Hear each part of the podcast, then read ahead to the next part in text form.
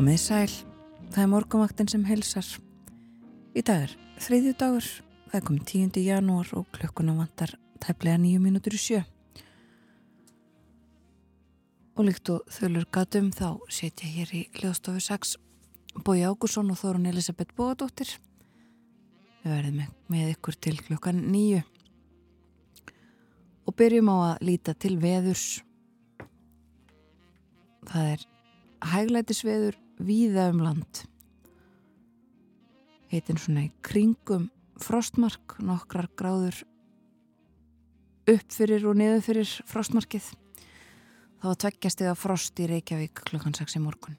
Létt skíjað og 1 eh, metr á sekundu mjög hægur vindur eh, sannsagt í Reykjavík. Það var ekki ekki mjög kvast á kvanneri heldur 5 metrar á sekundu og einstiks frost þar hittin við frostmark í stikisholmi skíjað 4 metrar á sekundu þar. 6 metrar á sekundu og hitti við frostmark á Patræksferði 1 gráðu frost og 11 metrar á sekundu í Bólungavík kvassast þar sínist mér á landinu. Í Bólungavík og á Söðunisvita af þessum viður að tvuna stöðum Einstegsiti á Holmavík og hitti við Frostmark í Lillu Ávík. Einstegsiti á Blöndósi 9 metrar á sekundu þar. Einstegsiti á Akureyri og Allskíjað. Einstegsiti á Húsavík og á Revarhöfn og líka einstegsiti á Egilstöðum. Þar var ryggning og 3 metrar á sekundu klukkan 6 í morgun. Þryggjastega hitti á höfni Hortnafjörði fjórastega hitti á Kvískerjum en fjórastega frost á Kirkibæjaklaustri klukkan 6, 2 metrar á sekundu þar.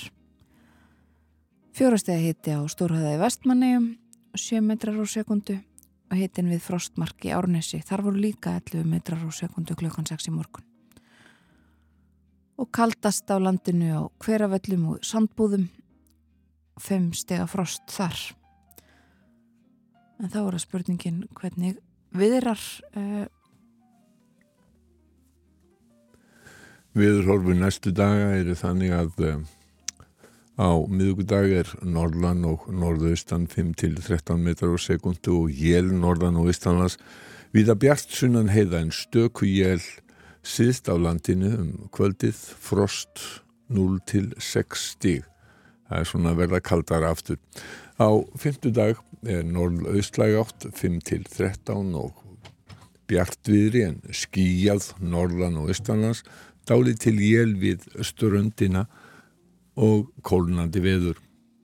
Á förstu dag og lögardag er gert ráð fyrir norðlægri átt 5-10 metrum á sekundu létt skíðu veðri en e, lítil sáttar jél á norður og östurlandi frostvíða 5-15 stig það er janúar og kallt á fróni Ve vegir það segir á uh, síðu vegagerðarinnar að uh, það séu víða hálka, hálka eða hálku blettir uh, á Suðvestulandi þæfingur á Morsfellsseiði þungfæst á Bláfjallavegi flughált á Suðustrandavegi hann var lokaður vegna hálku og hvastviðris í gær.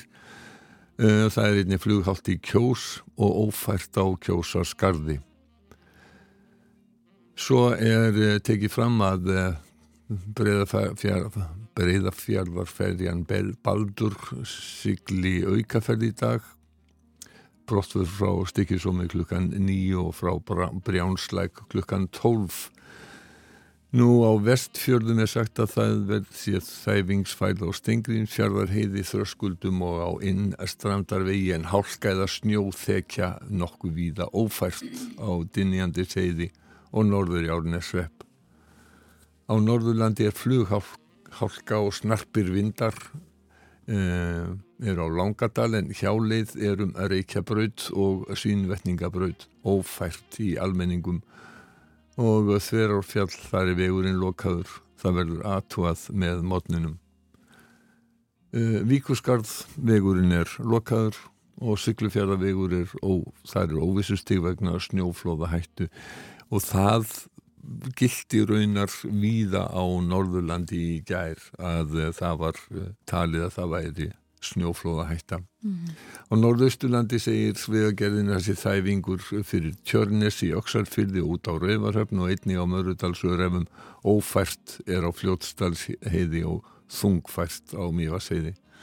Á Ísturlandi er hálka eða snjóþekja víð á vegum en greiðfært er á ringvegi sunnan að reyðafjörðar. Hreindir hafa sérst á veg við Færadal. Og um, Þannig er það að um, vegir eru viða mjög hálir og uh, eins gott að fólk fari varlega Íslendingar þekkja nú sinn vetur og vita að það ber að fara að öllu með gátt. Sannlega. Aðeins að uh, efni þáttarins í dag það bárust í gerðkvöldi frettir af því að uh, Íslandsbanki hafi mögulega brotið gegn lögum þegar að hluti bankans var seldur í lokuði útbúði á vegum bankasíslunar í fyrra. Þetta kom fram í tilkynningu frá bankanum sjálfum sem að hefur fengið frum mat fjármála eftirlit sælabankans í hendurnar og eh, bankin saði frá því að hafn hefði verið, hafnar hefði verið viðræður um, um sátt, sáttaferli í þessu máli. Til maður fjallum þetta þegar að Þóruðusnar Júliusson kemur til okkar eh, upp úr klukkan halv åtta hvað eh, rifjum upp það sem var undir þarna í rannsókn fjármála eftirlitsins og förum yfir þetta mál. Og ég mislegt fleira verður líka á dagskráni hjá Þóruði Snæ Svo tölum við um Þísk málefni Artur Björgum Bodlason verður á sínum stað eh, ætlum meðal annars að tala um Þísku pólitíkina og um orkumálinn Og læti á nýjársnótt. Já. Og svo förum við til Brasilíu í síðasta hluta þáttarins. Já, þar, er... þar hefur uh, að sjálfsögðu eins og allir sem fylgjast með vita verið mikið uppþótt í höfuborginni Brasilíu og það sem að gerðist í nótt var hins vegar að, eða í nótt á okkar tíma, var að 2000 stuðningsmanna líðræðis og Lula Forsetta komu saman í São Paulo og uh, kröfðust þess að það er hart gengið fram gegn þeim sem að stóðu fyrir uppþóttunum og árásónum á stjórnarstofnanir í Brasilíu í fyrradag. Luciano Dutra þýðandi eh, býr á Íslandi en er stattur í Brasilíu og eh, hann verður á línunni upp úr klokkan halv nýju. Og svo auðvitað spilum við einhverja tónlist, eh, fylgjumst með frettum, lítum í blöð og ímislegt fleira. En nú hleypum við frettastofunni að það koma morgun frettir eftir tæpa mínútu.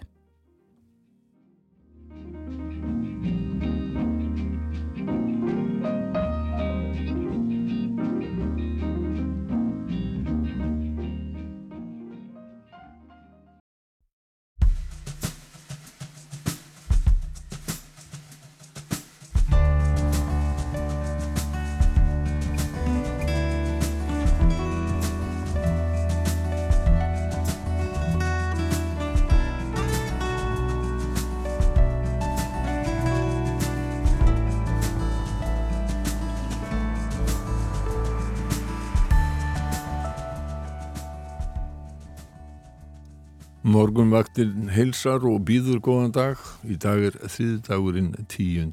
januar árið 2023.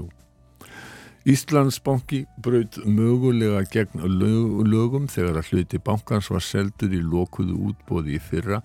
Um þetta heyrðum við í fréttum rétt áðan og bankin hefur hafið svo kallar sáttaferli við fjármála eftirlitið Þórður Snæri Júliusson kemur til okkar í vikulegt spjallum efnahag og samfélag og þetta mál verður meðal þess sem að verður að rættum. Ólæti urði í Berlín á gamláskvöld sem er kannski ekki frásögur færandi en þau hafa haft töluverð pólitísk eftirmál. Ekki síst í ljósi þess að eftir mánuð þarf að kjósa til borgarstjórnar í Berlín vegna þess að síðustu kostningar voru dæmdar ógildar. Artur Björgum Bodlason verður á sínum stað að loknum morgunfréttum klukkan 8 og segir okkur frá þessu. Í Brasilíu hafa 20.000 farið út á göttur aðalegi stærstu borg Suður Ameríku, Sá Pálo, til að lýsa yfir stuðningi við líðræði og líðræðislega gildi eftir að hópur fólks réðist inn í þing fórsetahöll og hestarétt landsins á sunnudag. Luciano Dutra þýðandi er stattur í Brasilíu búsettur á Íslandi, hann verður á línunni í lók þáttanis og við ætlum að ræða brasilísk mál við hann. Umsjónamenn morgumvaktarinnar eru, eru Bói Ágússon og Þórun Elisabeth Bóadóttir.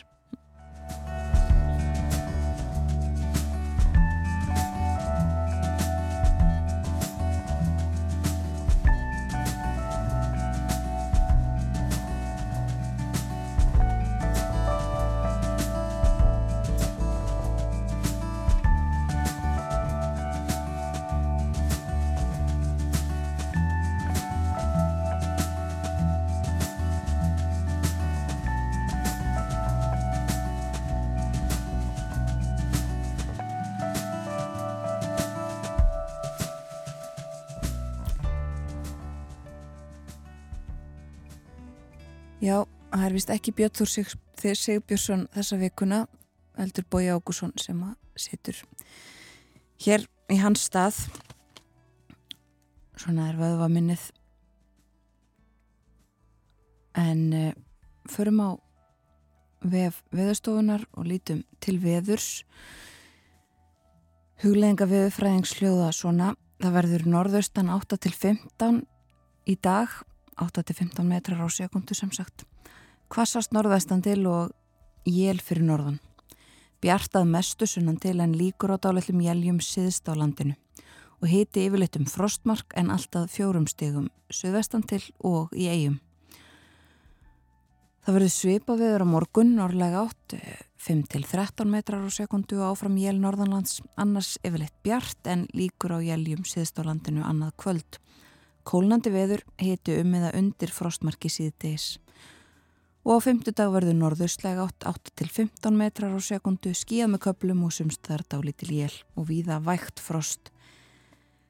En það er svo á förstudag og lögadag sem að herðir á frostinu og verður þá uh, víða 5-15 stega frost. Áfram talsvert frost á sunnudag og uh, fram á mánudag en þá er því spáð að það drægi heldur úr frosti. Mánudagskvöld. Og uh, það er ástæða til þess að skoða líka aftur.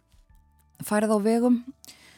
Ástandið er, er þannig. Það er hálka eða hálkublettir nokkuð víða á Suðvesturlandi þungfært á Bláfjallavegi flughált á Suðurstrandavegi og í kjós og ófært á kjósaskarði og á Vesturlandi er þæfingsfærð á Svínadal og víða hálka eða hálkublettir á vegum en á eftir að fá upplýsingar um Snæfellsnis. Fróðorheiði er ófæri en unnið á mokstri og eh, Baldur mun sykla aukaferðir í dag. Verður uh, brott fyrir fór stykkisólma klukkan 9 og frá brjánsleika klukkan 12 og uh, setni ferð svo samkvæmt áallun.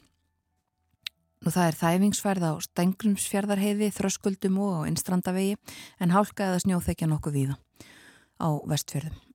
Ófært á Dinjandisheiði og norður í Árnesrepp. Óvissustíði hefur verið aflétt bæði á Flatirarvegi og um Súðvíkur hlýð. Þar var óvissustíð vegna uh, snjóflúðahættu.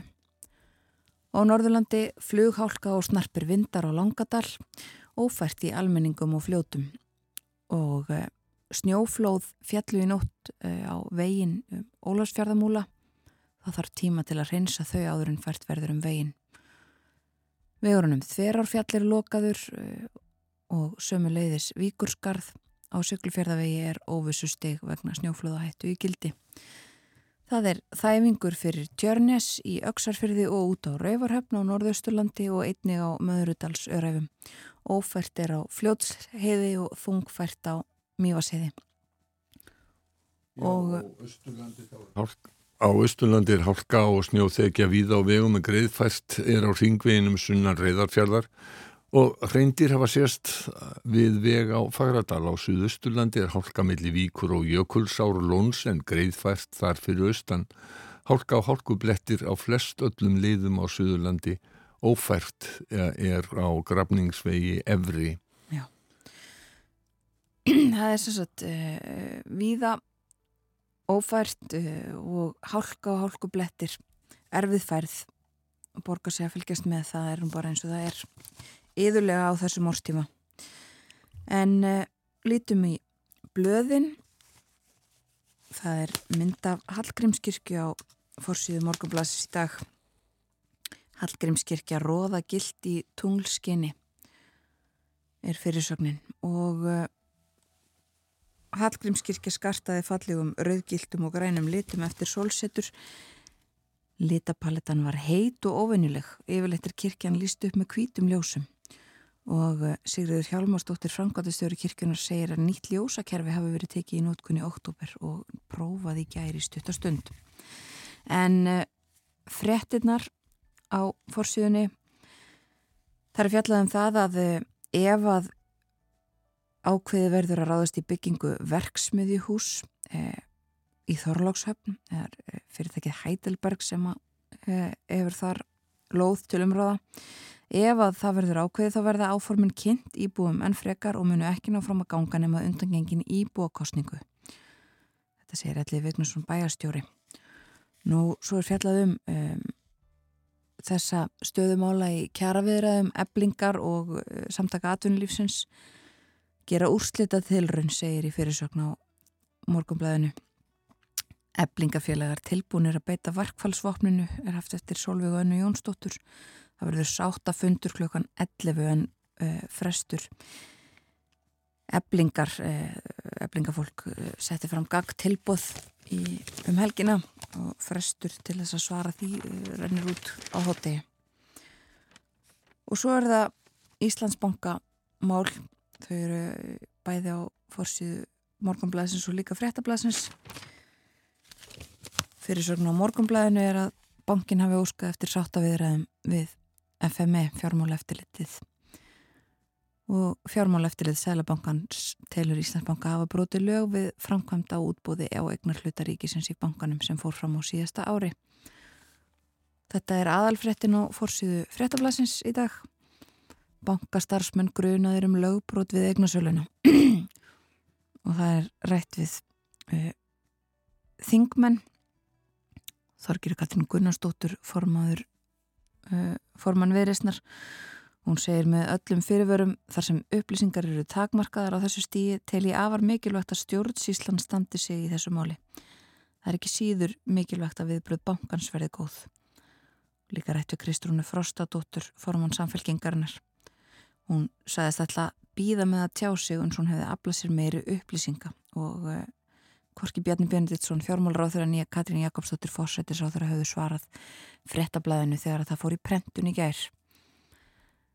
En uh, líka falli mynd á fórsíðu frettablaðsins uh, úr grafarói, frosta mynd, líklega mun grafavóður en ekki þiðnaði bráð og mynd af vekkfaranda í gulum jakka sem að leta hálkun ekki á sig fá, skellti sér út með hundin. Þetta eru íslensku blöðin við e, lítum út í heim eftir stuttastund en eigum við fyrsta heyriðt lag. Já. Og við eh, ætlum að, sagt, að líta á erlendu blöðin þegar við erum búin að hlusta á Dænu Washington The Nearness of You allar hún að syngja fyrir okkur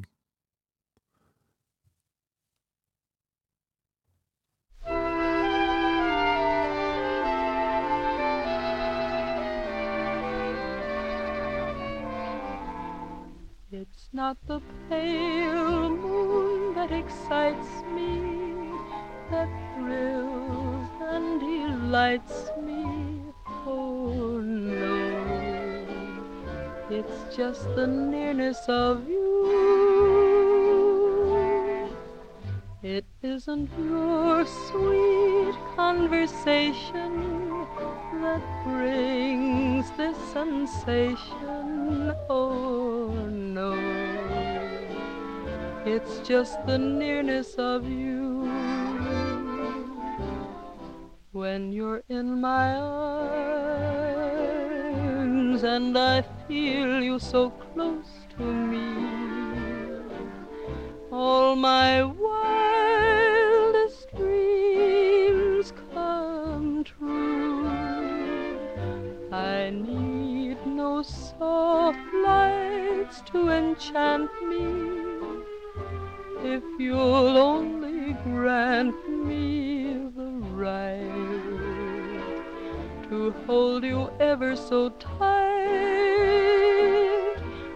to feel in the night the nearness of you when I hold you in my arms and I feel you so close to me. All my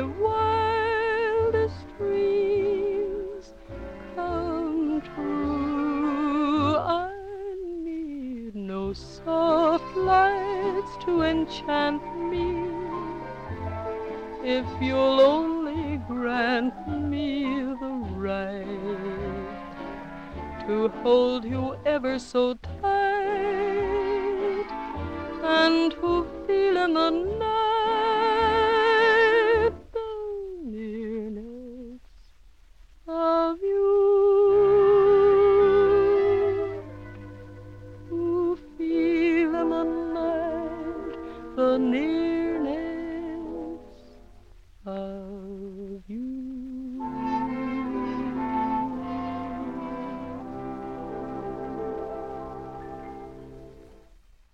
Dinah Shore, The Nearness of You og uh, eftir þessa ljúfu tóna ætlum við að uh, líta í Erlend blöðskumbri og Grænlandi í dag.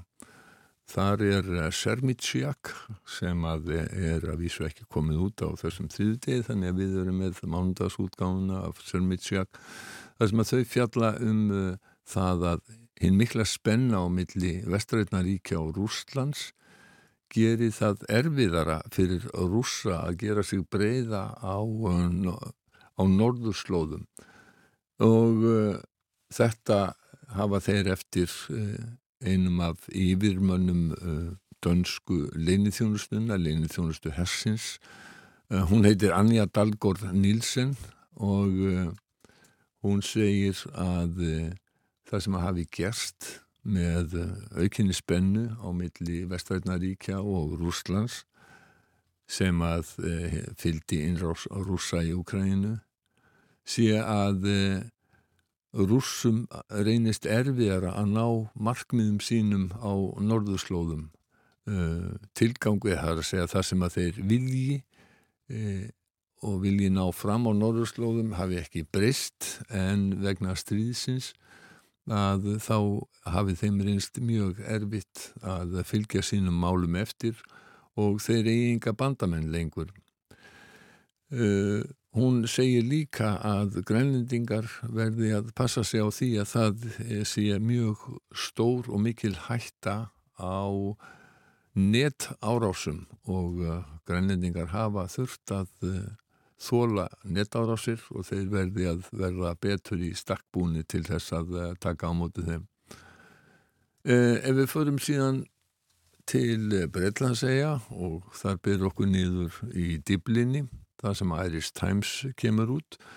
Uh, Irish Times er með sem sína aðalsrétt að það hafi gengið þokkalega í samningum eða á samningafundi Evrópusambandsins og breyta sem að var í gær en þar er verið að reyna að finna út af því hvernig á að framkvæma Brexit samningin sem að Breska ríkistjórnin þegar að Boris Johnson var við völd gerði við ESB Þar er ófrágengið hvernig á að framkvæma samningin á Norður Írlandi og það hafa verið ímsar skoðanum það með hvaða hætti það eigi að vera. Margir harðir brexit sinnar hafa viljað uh, fara í hart við Evrópusambandið og uh, nú vilðast hins vegar samkvæmt því sem Iris Times segir vera aðeins öðruvísi tónar sem að heyrist tónin sé að jákvæðari sem heyrist frá Lundunum eftir að Rissi Súnak var fórsættisráð það sé svona greinilega meiri vilji til sáttaheldurinn var þegar að Liz Truss og Boris Johnson voru fórsættisráð þeirra og til merkisum það að eitthvað hafi breyst að þá segir Irish Times að eh, brettar og Evrópussambandi hafi gefið út samiðilega yfirlýsingu að eh, loknum fundinum og það hafi ekki gæst í háa herra tíð uh, Financial Times fjallar, fjallar einnig um þetta í uh, Breitlandi og uh, þetta er nú ekki að sjá á forsýðum annara uh, breskrar blada. Þar ber langmest eins og svo oft að þetta förnu á fréttum af deilunum í bresku konungsfjölskyldunni sem að eru í kjölfar bókar Harrys prins Daily Mail segir til dæmis að Harry viðkenni að uh, það grói aldrei um heilt eftir ásakanir sem að hann ber fram í bókinni á skildminni sín og vensla fólk Daily Express segir að Harry hafi farið yfir strikið með grimdarlegri árás á Kamilu stjúbúðu sína en hann mun hafa gefið það í skín að, uh, að hún hafi lekið fréttun til fjölmila í fréttum í Breitlandi í gæra þá voru ýmsir sem að voru að leggja mat á hvað væri að gerast sögðu það væri af og frá að eh, Kamila hefði gert þetta. Hún hefði sennilega aldrei á æfisinni talað við bladamann um, en e, það er nú fjalla aðeins meira um, um aðra hluti heldur en bara Bresku konurs fjölskylduna Telegraf fjallar til dæmis um Breskan hjálparstarsmann í Úkræinu sem ekki hefur spust til í stóri fyrirsögn á fossíðu blasins og segir jáfnframt að breska stjórnin sé reyðubúin að senda úkrænumönnum skriðdreika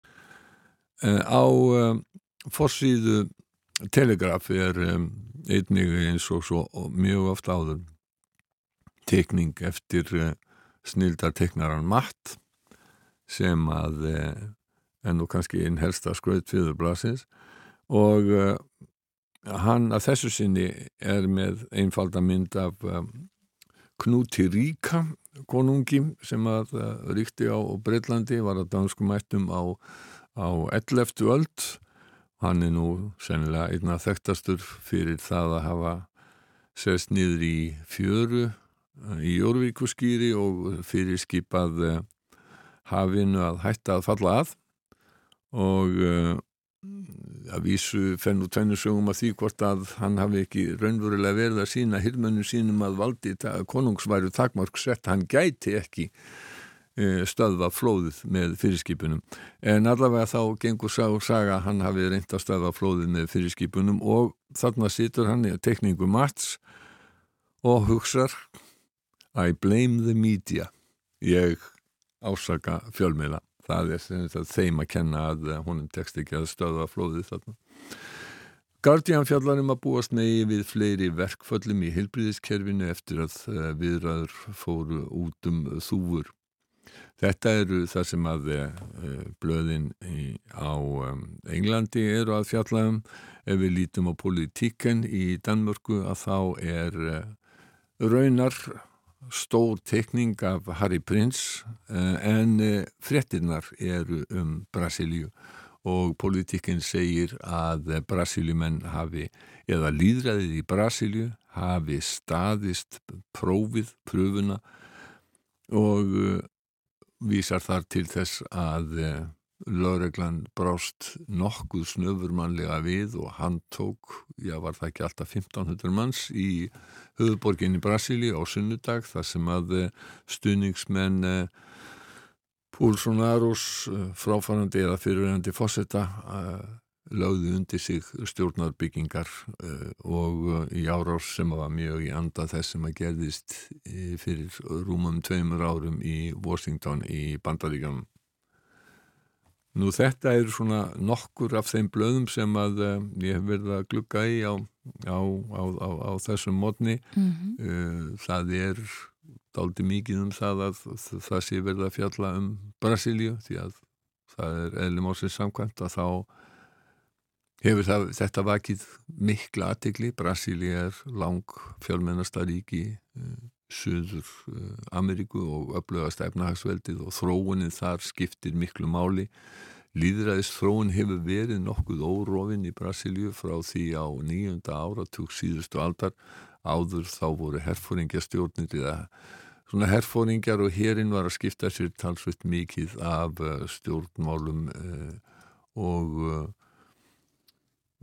eins og í mörgum öðrum grannríkjum mm. í Argentínu voru herfóningjastjórnir og það í rauninni miklu grimmúðlegri þó að þeir hafi nú ekki verið afskaplega afskaplega hugulegir eh, brasilísku herfóningjarnir að þá var ekki svo sama grimdarstjórn og var í uh, Argentínu Og við ræðum nánar um brasilísk málefni uh, eftir um það byrj klukkustundrumlega það þegar að Luciano Dutra þýðandi verður á línunni hjá okkur. Hann er í Brasilíu en annars búsettur hér á Íslandi og eh, við höfum stundum fengið hann til okkar til að ræða um brasilísk málefni.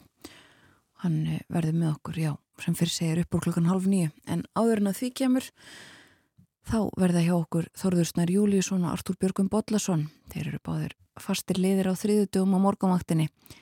Þorður Snær eh, kemur sér fyrir hér eftir nokkra mínútur og við ræðum Ímislegt meðal annars þessa frett sem að barst í gerðkvöldi af Íslandsbanka og uh, því að fjármála eftirlið Sælabanka Íslands telli mögulegt að þar hafi verið framinn lögbrott við söluna á uh, hlut í bankanum í fyrra.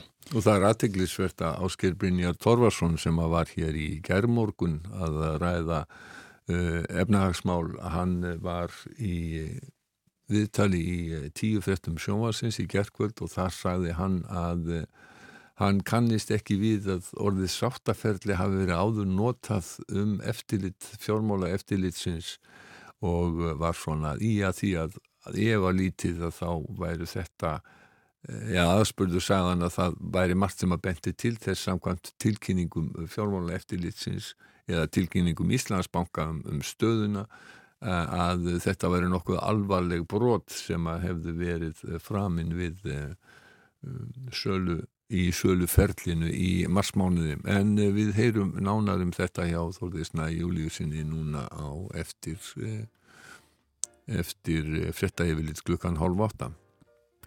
En það er einmitt næst á dagskrá. Við leipum nokkrum auglýsingum að og svo frettastofunni og snúum svo aftur hér á morgunvaktinni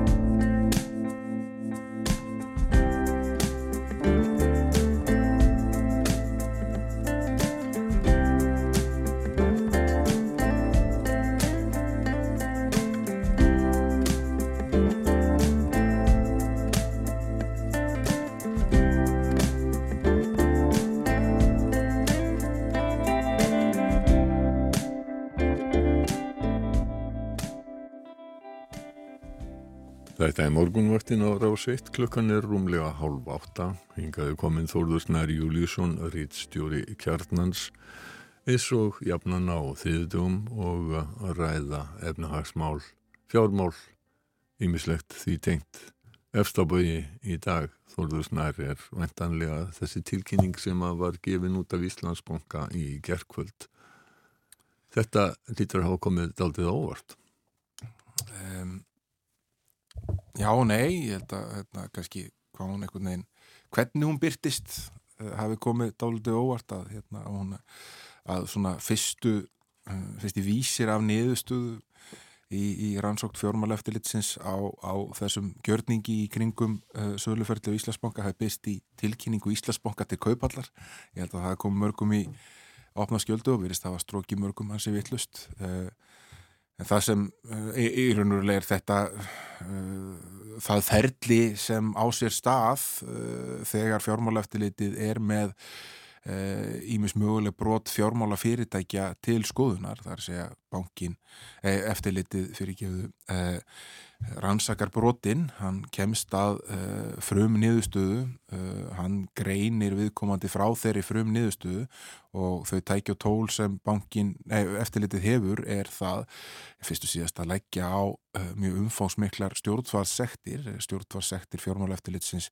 geta samkvæmt lögum numið alltaf 800 miljónum eða 10% af ársveldu ef við mátum það við Íslandsbanka og horfum á bara uh, undirliggjandi uh, rekstrarveldu Íslandsbanka árinu 2021, það er að segja vakstatekjur og þóknarnatekjur, þá er það 50 miljardar sko, þannig að ef að uh, segjum bara svona umræðunar vegna, ef að hámars sektar ákvæða með beitt, þá getur við að tala um marga miljardar króna. Og uh, með því auðvitað að, að, að að semja um sektar greiðslu ef þú tvarin í þann farveg eins og Íslandsbánki lýsir reyndar aðtækilsvert að, að það er ekki samrami á milli íslensku og ennsku tilkynningarinnar sem sendir kaupallar í íslensku tilkynningun er talað um að sátt að vera sér hafnar. Í ennsku kemur fram að, uh, að Íslandsbánki átt frumkvaði að því að hefja sáttaviðrar og á því eru þetta mikill munur. Uh, þá er í gangi samtal á milli fjármálufyrirtækis sem fjármálufyrirtæki hefur í frumniðustuðu sem komast að, komast að hafi broti lög og reglur um það hversu mikið það er að borga. Það er ekki að fara að borga sig frá því að játa sekt um það að hafa broti lög. Ef að þeir mm. telja sig vera saklaus þá þurfa þau einfallega uh, að að fara með það í tilhýrlega uh, farvegi, fara með það fyrir domstóla og annað slíkt. Og um slíkt er þekkt dæmi.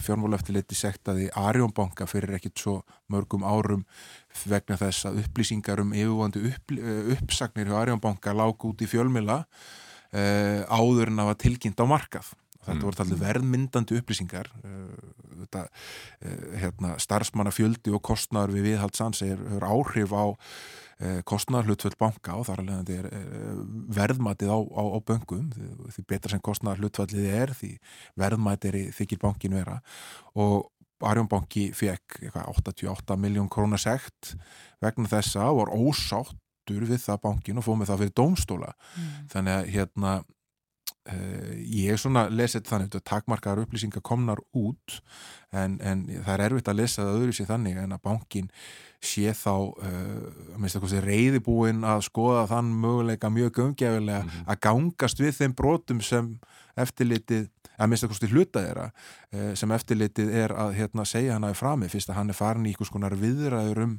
niðurstuð. Já, en uh, sko, en það, en það kemur ekkit fram þarna og liggur ekki fyrir sko hvaða brot uh, um er rætt?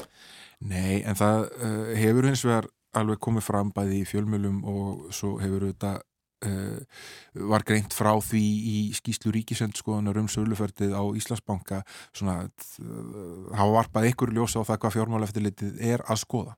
Eða hefur verið að skoða í þessum tengslið, hefur verið að skoða meðal annars uh, því hvernig flokkun á hæfum fjárfestum átt var hvað sé hverjir fengu þennan mikla stimpil að vera að tala inn fagfjárfestir eða hæfir fjárfestir hérna, til þess að meiga taka þátt í þessu útbúði og svo veriðist vera sem það eru að það eru engar samrændarreglur, það er ekki miðlagu gagnagrunnur um slíkt á Íslandi en eitt slið þannig að það voru bara einfallega teknar ákvarðanir uh, stundum uh, svona á grundöldu upplýsinga frá þeim sem vildu verða að flokka þér svona.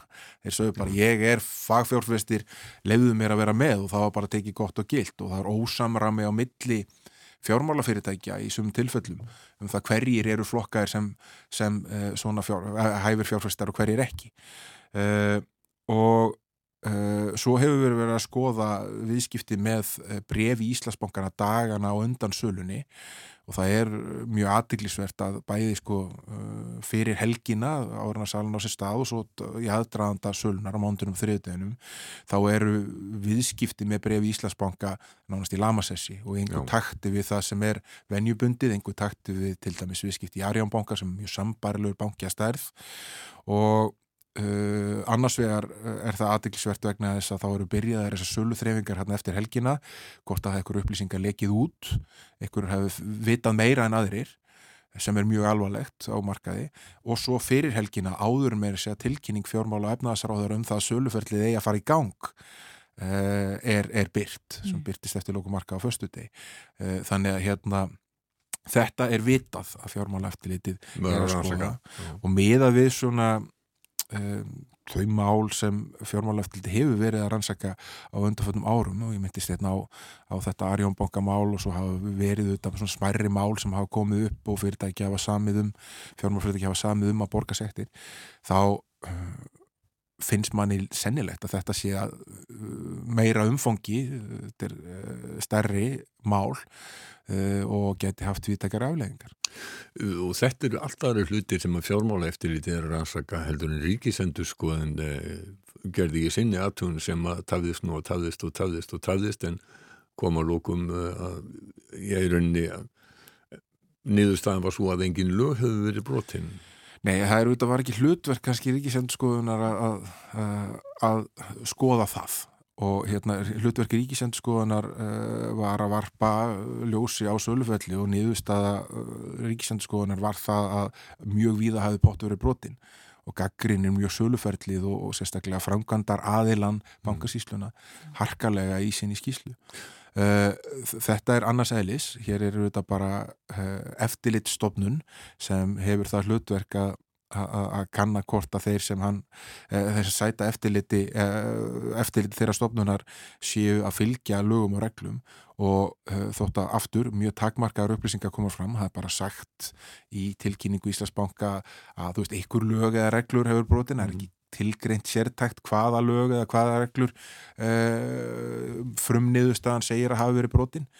En hérna Uh, nú er eftirlitið allan að búin að koma því til bankans að það telji þá að það er að fullir það að það telji þá að einhver lög hafi verið brotinn og uh, bankin fer þá í þetta ferli Já. og svo mun koma nýðustada uh, fjármála eftirlitsinn sem þú veist geti þá verið stjórnvald segt og, hérna, og þá likur mögulega fyrir hjáttning bankans að viðkenning á því að hann er fram með brot eða hann neytar því og fyrir þetta ferli sé fór hérna yfir á hann ef það likur fyrir viðkenning bankans að hann hafi fram með brot þá myndum maður ætla það að það geti haft viðtekari afleggingar innan banka, þá myndum maður ætla það að stjórn bankans, eigendur hans sem auðvitað eru enþá eh, stæsti eigandin er enþá Íslenska ríkið sko, Íslenska mm. ríkið á enþá 42,5% í bankan eh, myndi eh, gera eitthvað með þá niðurstuðum þannig að hérna þetta er svona bara, það er aðdeklisvert og, og mörguleiti bara held ég nöðsynlegt að það sé komin Eh, einhver vísir að því hvert þetta mál er að stefna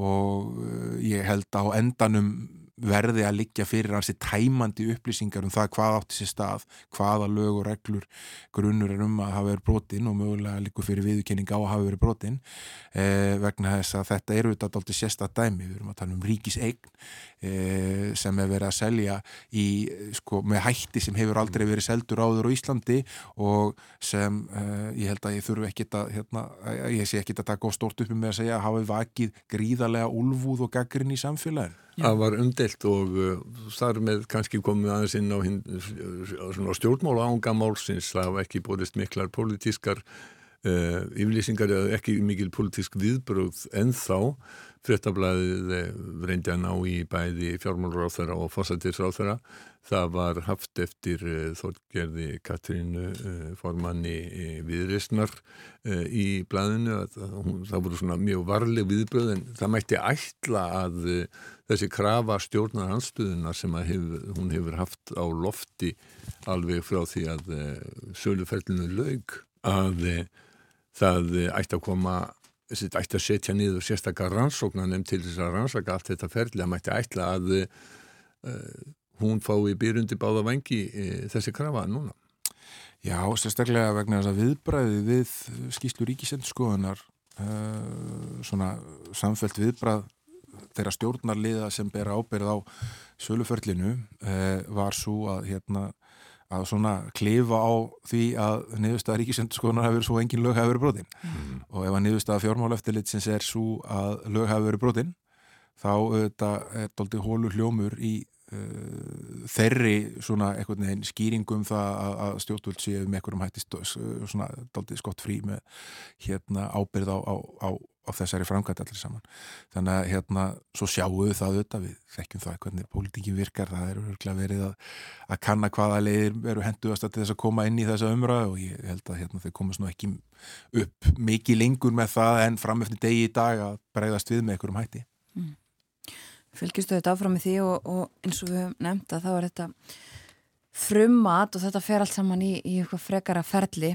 Uh, en eigum við aðeins að færa okkur um set og uh, ræða við rættum hér í e, síðustu viku held ég alveg öruglega, þá rættum við um sko tíðindi af sjávarútvegi. Þá vorum við að ræða um, um, um breytingar á egnarhaldi um, og það eru komin að sérst núna og líka aðeins um samþjöppun í sjávarútvegi og við ætlum að ræða það eins nánar núna. Nýjar tölur um samþjöppun í sjávarútvegi.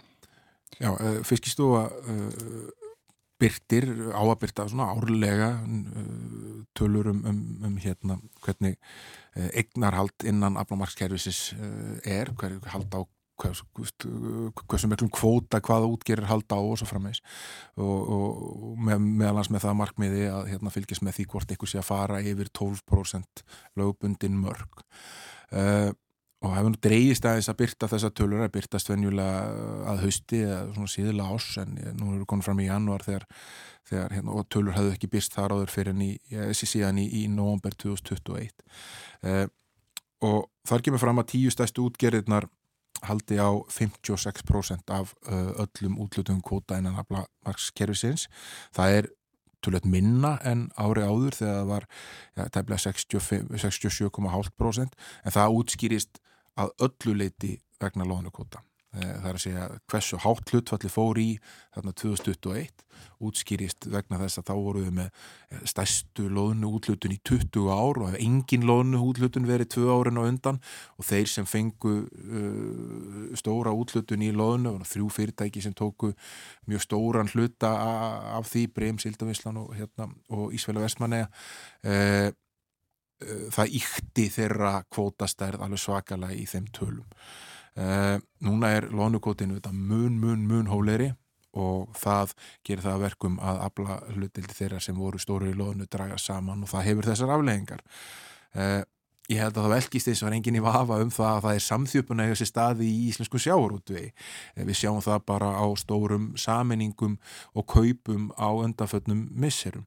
Uh, Síldavislan og vísir í sömaru sem Ísfélag Ramman sem er að renna saman núna tilkynntu það á milli Jól og Nýjás sjáum breymkaupa eignir af útgjara fyrir Reykjavíkur uh, fyrir marga miljardar króna fyrir á þessu ári uh, og svo framvegs. Mm. Þannig að hérna Eh, það er tölver samþjöpun að eiga sér stað.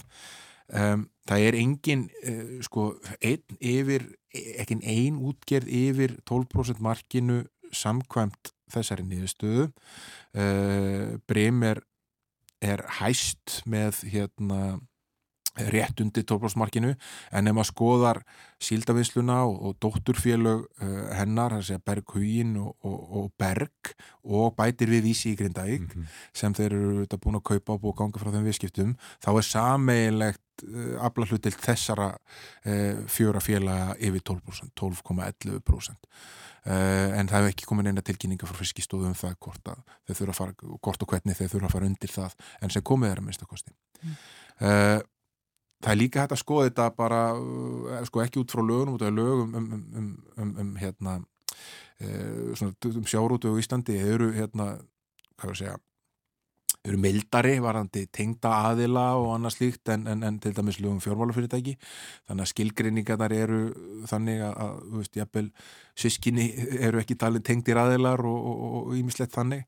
E, ef þú horfir á uh, bara tengdar blokkir þar sem eru einhvers konar cross eigna tengsl sem einhverju nemur þá eru fjórar blokkir mjög ráðandi í íslenskum sjáurútvegi, þar er svona þessi blokk sem hverfist í kringum samherja einheldur síldavinsluna og vísi tekið gjögur líka með vegna þess að gjögur er, eða þeir sem eiga útgenna gjögur og Greinivík e, þar er fyrirhandi fórstjóri samherja þar á með Albjörg Jónsson og, og þau eru næstast eigandi í síldavinsluna og eftir samherja og svo framvegis, þá er svo blokk með, já, tefla 24% afla hlutdeild.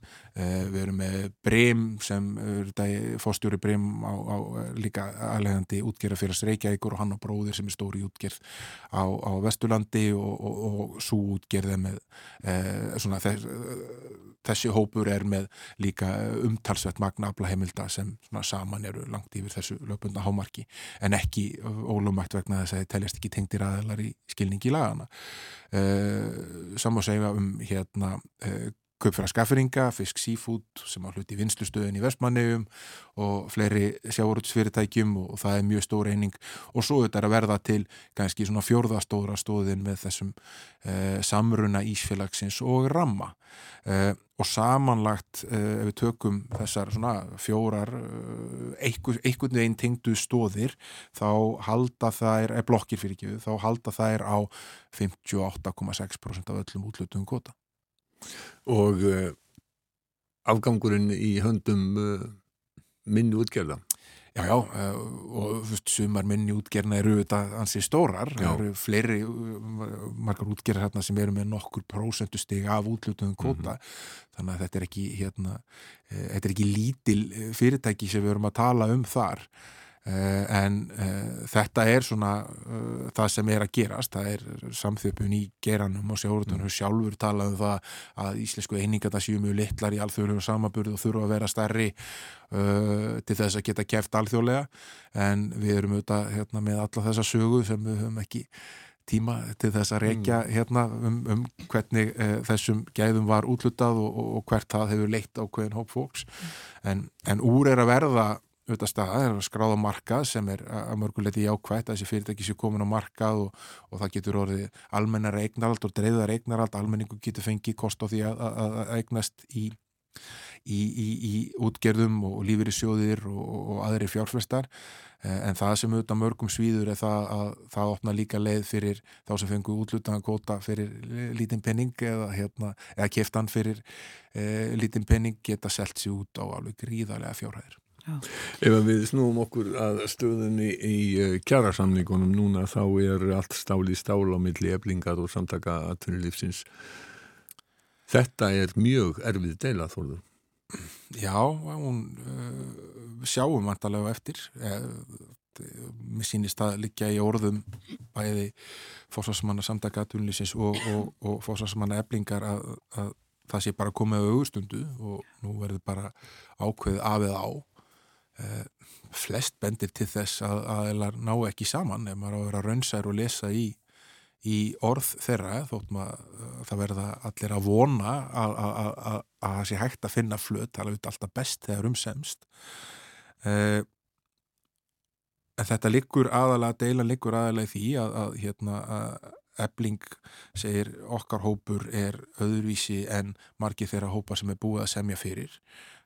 Hann er hérna Uh, meiri tilningu til þess að vera á leikumarkan það er húsnæðarskostnaðan, getur verið með læri laun uh, stórleiti á höfbúksvæðinu þar sem uh, sérfræðingar eblingar vinna með Ómberg Gögg sem segja að framfærslu-kostnaður á höfbúksvæðinu sem meira enn á landsbyðinni mm. það er komið svona hliðar slagur um það hérna, um að, að, hérna frá, frá ýmsu verkefælisleitugum úti á landsbyðinu um það hérna, sé verið hættja saman landsbyðu og höfuborga mm. með hefðmundum hætti eins og oft er gert í ýmsum málum en maður á mjög erfitt með að sjá að, að efling slái meira af sínum kröfum. Maður á líka mjög erfitt með að sjá samtökatulisins eh, fara út fyrir þann ramma sem þau eru búin að marka og semja um við þorran á almenna markaðunum eh, þannig að hérna, við ættum að vita það svona, þegar líður á þennan dag hvort að það stefnið falla í verkfull og eh, ef að efling fer í verkfull þá hérna, hefur það eins og við höfum auðvitað séð þegar stýtt gerist mjög viðtækar afleggingar í samfélaginu. Áskei Brynjar Tórvarsson sagði hérna við okkur í gerðmorgunna í rauninni hefði verkefliðsreiningin samið um launalækkun vegna þess að það væri launahækkun upp á minni með 6%, verðbólka upp á 9% þannig að þetta væri 3% raun launalækkun Já, það eru alltaf, þetta fyrir algjörlega eftir hvar þú setur stikurnar sko. e, þú getur hort á hérna, frá kannski síðustu kjara samningum þegar þeir voru gerðir kaupmáttar og ykninguna sem varð um tíma þá og svo eru við núna í þeirri stuðu að kaupmáttur e, lækka e, veist, með hætti sem hann hefur ekki gert í mjög langan tíma á Íslandi Uh, og ef þú setur stikuna þar við hérna svona kannski þegar velborgan byrja að láta á sig kræla hérna þá er það rétt. Uh, en ef þú setur hana aftar eins og til dæmis fjármála efnaðsráðundið vil gera þá er það ekki rétt. Uh, svo vitu við ekki hverjar afleggingar launahækkan að verða hversu mikið það verður veld út í verðlag og, og eigur þannig á kostnað heimilina það eru þetta núna mikil ábyrð sett á vestlun og þjónustu í landinu um það að, hérna, að halda sér höndum uh, ef að svona, uh, við förum í það orðræðu sem var viðhöfð hérna í aðdraðand að gera þessa kjærasanga nú þurftu allir einhvern veginn að sína ábyrð uh, og, hérna, og verkefælisfélagin telja þá að þau séu búin að gera sitt sem ég til skamstíma til þess einhvern veginn að takast á þessar mjög erfið aðstæður sem eru uppi og fara sér í langtíma samninga í lók næst ás núna er boltindóldi hjá atvinnleginu um það að hérna að kingja þessum launahekkunum án þess að uh, henda olju á, á verðborgu bálið uh, og það er ekkit komið fram. Ef að það gerist, ef við sjáum þessar, þessar hækkanir fara aftur út í verðlægi þá auðvitað uh, verða þeir lítir svirði mjög fljótt. Mm. þannig að hérna það er ekki hægt að kannski að vera með mjög digubarklegar yfirlýsingar um það hvort að þessar launahækkanir skili ykkur eða ekki akkurat á þessu tímpóndi einmitt degubarkalegar yfirlýsingar eh, en það eru, það er nóg af þeim eiginlega í þessum eh, kjaraverðum og eins og segir það er stál í stál. Uh, og Solveig Anna Jónsdóttir formar eflingar sagði líka í samtali við morgunblæðið einfallega að það væri bara til góður verkvælsjóður hjá eflingu og, og það væri hægt að grýpa til þess sko og þetta er sáttafundur klukkan 11 og við fáum eintanlega eins og segir að, uh, vita nánar um uh, framvinduna þegar líður á daginn. Við komumst ekki lengra. Uh, kæra þakki fyrir að koma til okkar í dag, Þorusnur Júliusson. Takk.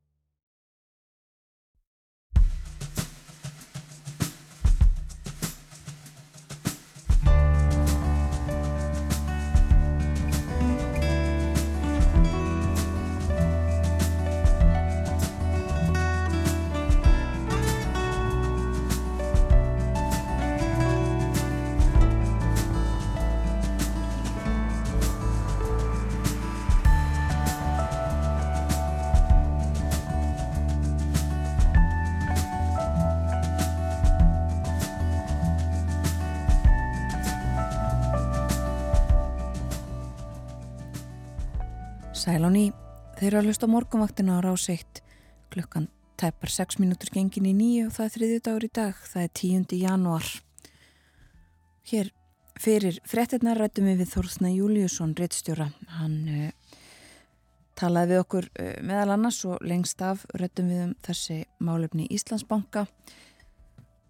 Tilkynninguna sem kom frá bankanum í gærum það að hafið væri sáttaferli við uh, fjármála eftirlit Sælabanka Íslands vegna mögulegra lögbrota bankans í tengslum við lokað útbóð á 22,5% hluti í bankanum á síðast ári.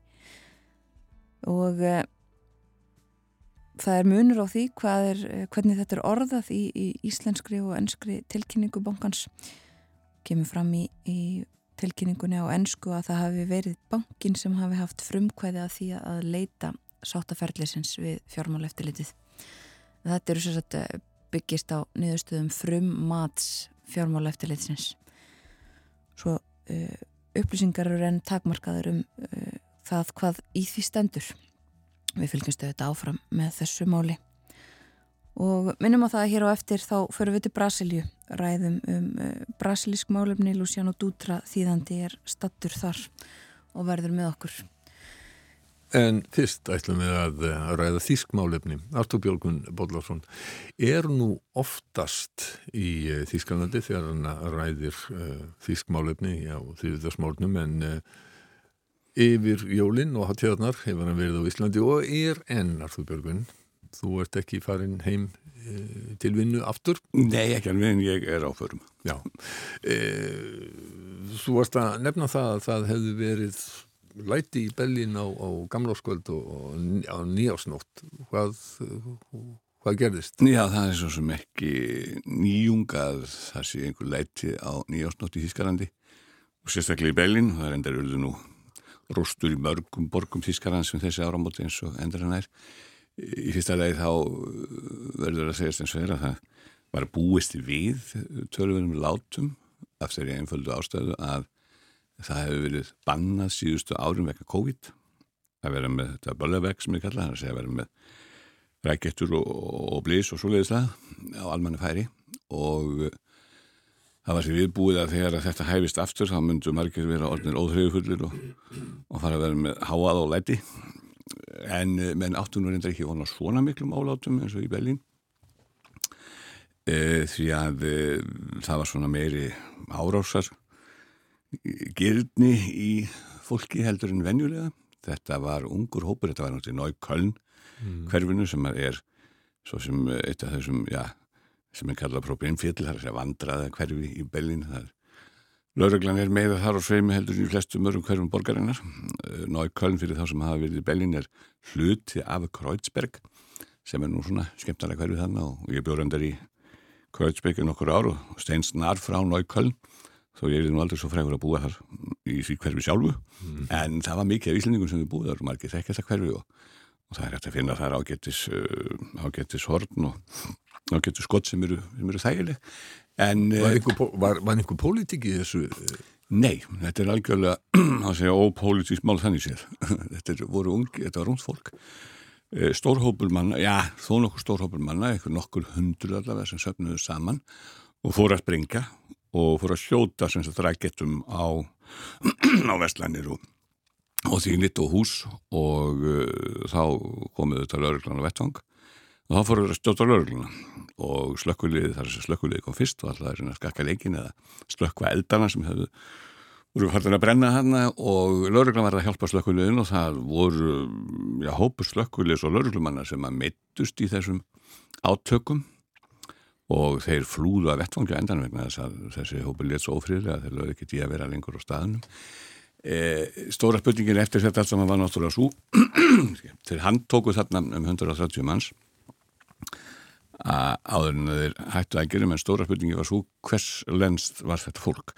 Og það er það sem alltaf, svo spurning vaknar alltaf þegar að verða svona róstur hópur ungs fólks eða ungra mann þetta var allt kallmenn held ég e, er með læti og dólkshátt að þá spyrja menn af hvaða þjóðarinn voru þetta vegna þess að maður býða náttúrulega eftir því að þessi alls saman innflýtjendur og sérstaklega að út af svona pólitík, þá kemur pólitíkin inn mm. og uh, það er vita mála að það er mikið anstaða í röðum pólitíkusið Þískalandi við fjölda innflýtjenda sem hefur verið að koma til landsins eftir Angela Merkel opnaði landið á sínum tíma 2015 upp á gátt má segja og það er búið að kanna núna þessi síðustu daga hvað eh, gerði sér inn þess að hvaða fólk þetta var. Alltaf mann ungir menn svona í kringum uh, tvítugt. E, tveir þriðir þeirra voru af allavega þísku bergibrotni þess að erum með þísk skilríki. Það þóttur um vergum ekki nógu gott. Og þriðjungurinn er svo af öðru þjóðarni ég held að þeir eru fundið út að þetta verður millir 20 og 30 þjóðarni sem hann er komið við sögu. Og ég sá á lista sem var byrstur yfir, yfir uppröðinu þessu fólks að það var uh, eftir á listanum voru afganir og sírlendingar eh, ég tók þetta líka það var ekki einasti úkræninskur flótamæður á þessum lista. Nei. ekki einasti Þeir hafa vantanlega fengið nóg af sprengjum og... Já, en ég meni sírlendingar og afganir hafa náttúrulega fengið það líka. Ó, en sennilega aðeins og mikið og uh, nú hafa náttúrulega sálfræði skýrendur uh, komið hverjum annan þverjand til þess að, að skýra fyrir þjóðinni hvað þarna var að segja því Í fyrsta legi verður að taka fram sko, náð, sko það er þriðji hver íbúið Þískanans er erlendu bergi brotin eða á sér erlendan uppruna í dag. En í Nói Köln er það annað hver. Þannig að það er mjög hátt hlutfall erlendra uh, erlendsfólksarna og svo er það bara þannig að þetta fólk sem er að koma til með svo Afganistan og Sýrlandi, við vitum það í báðum þessum báða þessum löndum mm, hefur verið, sko, hafa verið barðar og stríð um langt ára bíl og eh, þetta unga fólk sem kemur til Þískarlands, það er bara sennilega skattað marstari, það er bara aðeins stuppi sprengjuregn og, og mandráp og, og, og djöfulsgang og hérna er bara eh, hvað er að segja, það er ekki alveg bara tilbúið til að taka þátt í, í síðu samfélagi og átt að segja ekki á því, svo er þetta málust og það er annað sem að núna hefur náttúrulega magnast úr spurninga hvort það sé nóg gert til þess að aðlaga þennan mikla fjölda sérstaklega ungra flótamanna sem eru á erfiðum aldri, svona unglingar 18-19 ára kannski sem eru að koma að þarna. Og það er alveg ljóst að þau verður að taka sér taki og, og hjálpa þessu fólki að aðlaga spettur aukarlega með sísku kjenslu og svo framvegis. Og svo er eitt sem kemur til viðbótara og það hafa nú ymsir gaggrínt það að stjórnvöldi Berlín sérstaklega séu ekki nú hörð þegar kemur að leifum til lauruglunar um að grýpa inn í þegar eitthvað svona kemur upp. Þeir vilja alltaf fara mjókuleðina og þetta sé út af því að þeir séu svo mikil vinsti sinnar að þeir vilja svona leifa öllum að njóta sín og svona og uh, til dæmis Markus Sötter fórstast ára Bæjarlands byrstist í öllum fjölumilum í Þískalandi einhverju skýðabrekku Já, hann var ekki skíðabrekka, heldur sem hann engi skíðabrekka. Menn einu snjóð þar það talaði um að fara á skíð einhvern sem það snjóði, en allavega þá sagði hann sem svo að uh, þetta væri dæm þetta væri dæmigest fyrir Bellin því að uh, þar væri allt í ólestri og jafnaðamenn og vinstrið og græningar kynni ekkert á að stýra borginni. Og þetta væri alveg dæmigest að þeir verði alltaf að missa allt út úr handlunum á sér. Mm -hmm. og þar kemur enn pólitíkin inn Já.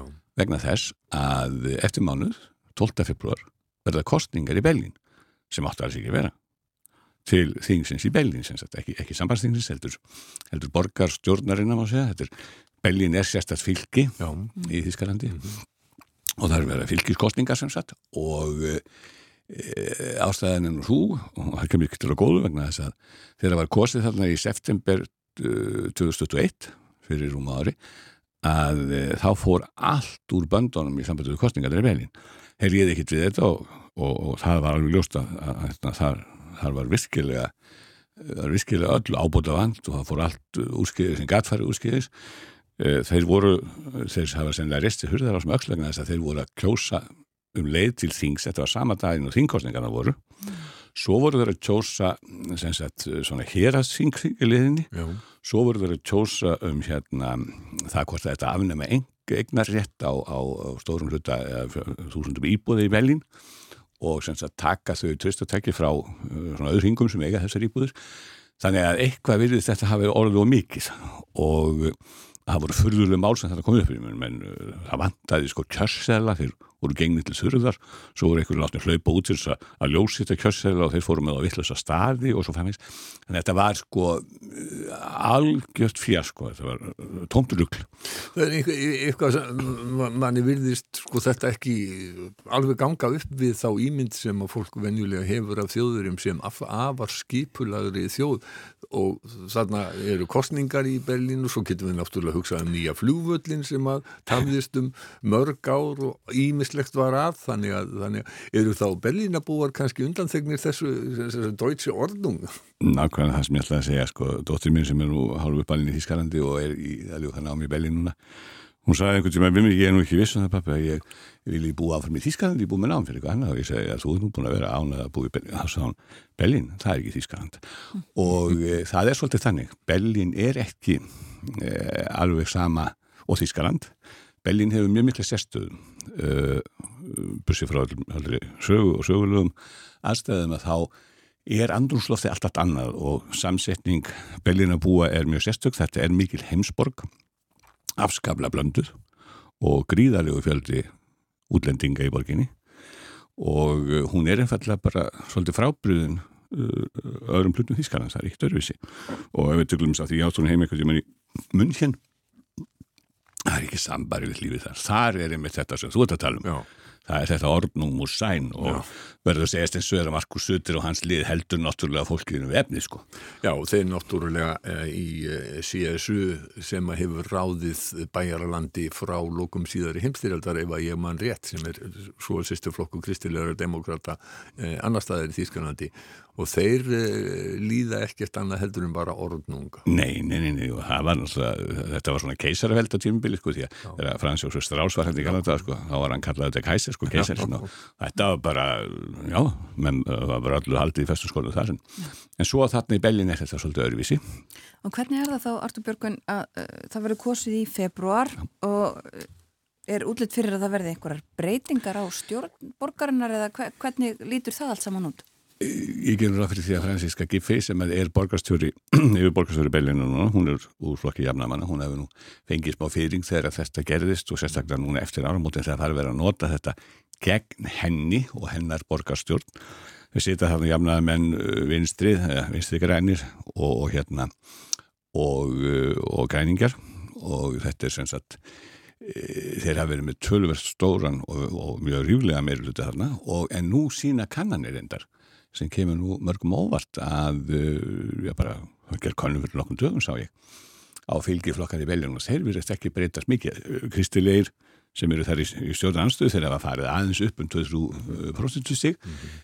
en ef að marka maður þessa nýju konun, þá munu munum þessi þryggja flokkastjórn í Bellin halda velli með mm. 55 og 59 60% uh, fylgi þannig að uh, það verða nú sannlega ekki mikla breytingar en eina breytingi sem getur orðið og er svona farin að tekna sér svolítið upp, það er það að Franziska Giffi, hún er glæðið þá með svolítið fyrring vegna þess að kannanir sína að, að græningar er að sækja svolítið á. Jafn að menn hafa alveg aðeins og það er eiginlega bara nýfjamt millir hennar og, og, annar, og konu sem er þarna sko, eh, fórustu maður græninga og eh, það gætt orðið skipti þannig að græninga tækju við e, borgarstjórnni. Það er möguleikið, þau eru því með meira fylgi heldur í hefnaðum en, en þessi þryggjaflokkastjórn verður áraðan áfram. Já. Nú hafa, já, jafnaðamenn í Berlín, borgarstjórar í Berlín hafa nú gert sig gildandi eftir að hafa gengt því ennbætti í landsmálum, náttúrulega Willy Brandt fyrst og fremst sem að varð heimsþektur sem borgarstjóri. Það var á tímum kaldastriðsins og síðar uh, var hann uh, kanslari. Uh, en það eru fleiri jafnaðamenn sem hafa verið í umræðinni í Þískanlandi núna. Varnamálar á þeirran Kristíni Lambrecht og kannski ekki sérstaklega jákvæð umræða. Nei, það er ekki útlur að Kristíni Lambrecht fætti fósból Vilvans og verði kanslari eða heimsfræg sem stjórnmálamanniska e, sannleikurinn sá að frá því að hún tók við þessu embætti, Ólaf Sjólds útnemdi hana sem verðamálar á þeirra hefur allt gengið á afturfótunum fyrir henni. Hún er svona politískur hagfalla bálkur og uh, hún hefur ekki gert nokkuð skapað hlut rétt þessu konan því að menn hafa stöðut, hún er náttúrulega mjög vinsalum en hún er saknina sérstaklega í svona grínþáttum og svona spökstofuþáttum því að hún er afskaplega vinsal þar því að Og þú ert búin að afskrifa hana sér þetta? Já, það er held ég hver einasti maður, það er bara spurningu það hvenar Ólaf Scholz lætur þessa vinkonu sína gossa. Málið er það ástæðan fyrir því að hann hefur ekki ennþá skipt um vartamálar á þeirra er þannig verið að sú að hann er persónulegur vinnur hennar og hún var í öðru ennbætti áður, stóð sér þokkarlega þar en, en, en hún hefur einhvern veginn ekki hún hafði, sko, hún var sett inn í þetta ennbætti vartamálar á þess að hafa neina reynslu á því sviði. Það hefur svo sem gest áður. Mm. og ein af já, forverum, einn af forverum hennar í þessu ennbætti áttum eftir að fara heldur betur hátt á heimsvísu. og svo er hóndið læn hún er nú fórustu manneski Evrópu sambansins en Lambrecht fer ekki þangað það er nokkur ljóst. Og samkvæmt kannunum til dæmis núna þá er hún óvinsar eftir þeirra Þískalands frá stríðslokum því að kannanir sína að 12-13% þauður eru ánægða með störfinar. Það er mjög lítil ánægja. Það er bara fjölskyldaninnar og, og vinnir og ættingar og svona. En hvað er það sem veldur? Eh, hún er bara, hvað er það að segja? Pólitísku rekvallaborku segir þau? Já, svolítið klauð. Já, hún er svo klauð. Hún greinilega hefur ekki sett sér nú og vil inn í þennan málaflokk og til dæmis sko ekki bara það heldur fórundlumis eitthvað tíma með þyrlu þíska hessins í uh, eitthvað sumaleifi og, og þá var sonurinn að með í vilinu það er ekki vel þokka sé verið að fljúa svona. Þar sem hún var að fara í embedserindum og svo helt hún áfram og let fljúa sér aðeins lengar til hún getur að fara í sumafrí og þá komur ljósa sonurinn Ráþeirar verða náttúrulega væntanlega bæði í Þískalandi og víðar að fara varlega í þyrlum uh, hins omvera Hún sagði þá að það væri ekkit óækint að barnið sitt væri með þegar hún færi sumafrí og þá heldur hún með fyrst menn, hún er nú orðin það fullur og hún gæti nú að rátt svona lítið barn. En þá kom í ljósa barnið en það var 26 eða 7 ára gammal þannig að þetta var svona, þetta babytal var ekki alveg nú sniðt, en svo til dæmis tróðun upp á sínum tíma. Hvort það var hennar ákveðin veit ég ekki þegar bandaríkjumenn voru að senda hergöglu Úkarænu að þá vildi hún vera með. Og það er frekt og þá sendir hún, tilkynnti hún í öllum fjölmjölum heimsins að hún hefði að gefa þeim 5.000 hjálma Já, og það þótti nú ekki mitt grandiós sko. og svo núna keirðum Sverbæk um áramótin talandum gamlarköld það var heldur ekki gæfulegt fyrir hana. Þegar í hríðinni sko þegar það farið að vera stjóta og hann vissi ekki ná í köln en þegar það farið að vera stjóta þarna flugeldum og allt fór á stað í beilin og menn voru að sko hrista af sér okið og, og hérna loksins að fýra þessu öllu saman eftir tveggja ára þögn. Þá uh, stilti hún sér upp út á götu og flutti áramóta ávarp bara svona á eigin vegum. Og, og hérna það heyrðist nú ekki í henni sko því að það var svo mikið læti í bakgruninu það var allt verið að springa og skjóta upp og svona. Maður þurfti að hafa sér allan við og ég hlustaði nú á þetta sko skrúaði alveg í botn og náði valla því sem hún sæði en svo var það brentað uh, út þannig að mann getur skiljið það. Og uh, þá var hún semst þetta ávarpa þjóðin og segja að uh, þetta væri náttúrulega búið að gerast mikið árun og þetta úkrænustíð það hefði verið eins og það var og, og, en hún hefði í kringum það kynst ansi mörgu áhugaverðu fólki. Og menn hugsaði með sér býtur með varnamálar að stendur út á mér í göttu það er skotrið á bakviðan með, með flugöldum og látum og hún fyrir að tala um það hvað verið gaman að kynast mörgu fólki í kringum úkrænustíði þetta þótti í fyrst að það er algjörlega smeklust nöðrulega fáránlegar aðstæður að vera að taka þetta með skotrið í baki. Og þetta var mjög personulegt og hún hefur gennilega eins og með svonsinn átt mjög erfitt með að skilja á milli personulegra hagsmuna og vinnunar eins og hún gerir þarna. Og mennst þú ert ekki að tala þarna sem einhver prívat manneska, þú ert að tala sem vardamálar á þeirra þýskarhans og þá sögðu, sko, þá var pressan eða öll sem bara hjálmeili heimurinn heldist á allur í verðan og sagði, nú er hún að fara, hún er bara að fara hún svo óþægileg. Það er þess að menn fylgjast með því þegar vardamálar á þeirra stærsta eh, ríkisins í Evropasambandinu eh, labbrútt og gött og fyrir að ávarpa heiminn. Mm. og gera það svona klöfalega þannig að e, Scholz líkur undir ámæli fyrir að halda henni inni. Og það sem er að hann gæti mist sko aðra konur sem er úr ríkistöndinni á næstu mánu því að það stefnir í verða kostningar árun í Hessin, fylginu Hessin Já. og eh, Feser sem er, er hérna innaríkisaðra mm -hmm. hefur reynda staðið sem mjög vel að því mannum finnst að hún gæti þúst að fara líka því að það verður að tala um að setja hana sem ottamannisku fyrir jafnaðmenn í Hessin Já.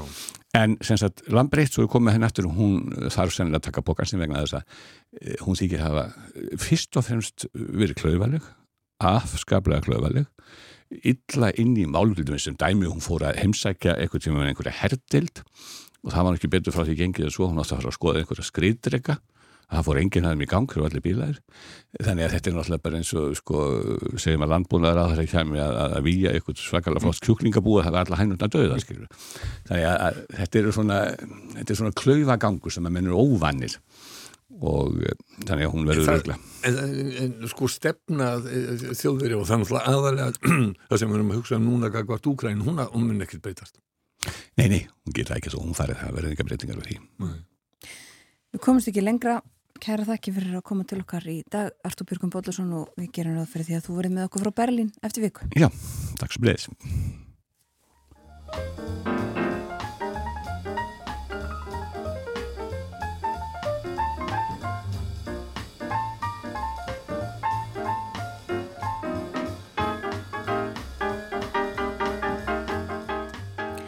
Björgum Bóllarsson með okkur hér í hljóðstofu í efstaleiti í dag Við rættum um uh, ólæti í Berlín á gamláskvöld nýjársnótt og um pólitík. En næsta dags á morgunvaktarinnar er svo uh, umfylgur um Brasilju eftir frettæfilitið förum við þangað. Þar er Luciano Dutra þýðandi. Við ætlum að ræða um stöðumála þar eftir uh, einmitt uh, innrás fjöldafólks í Þingús og Forsötuhöll og Hæstarétt uh, í Brasilju á sunnudag. En fyrst hleypum við yfirliti morgunfrétta að það kemur eftir þrjár mínútur.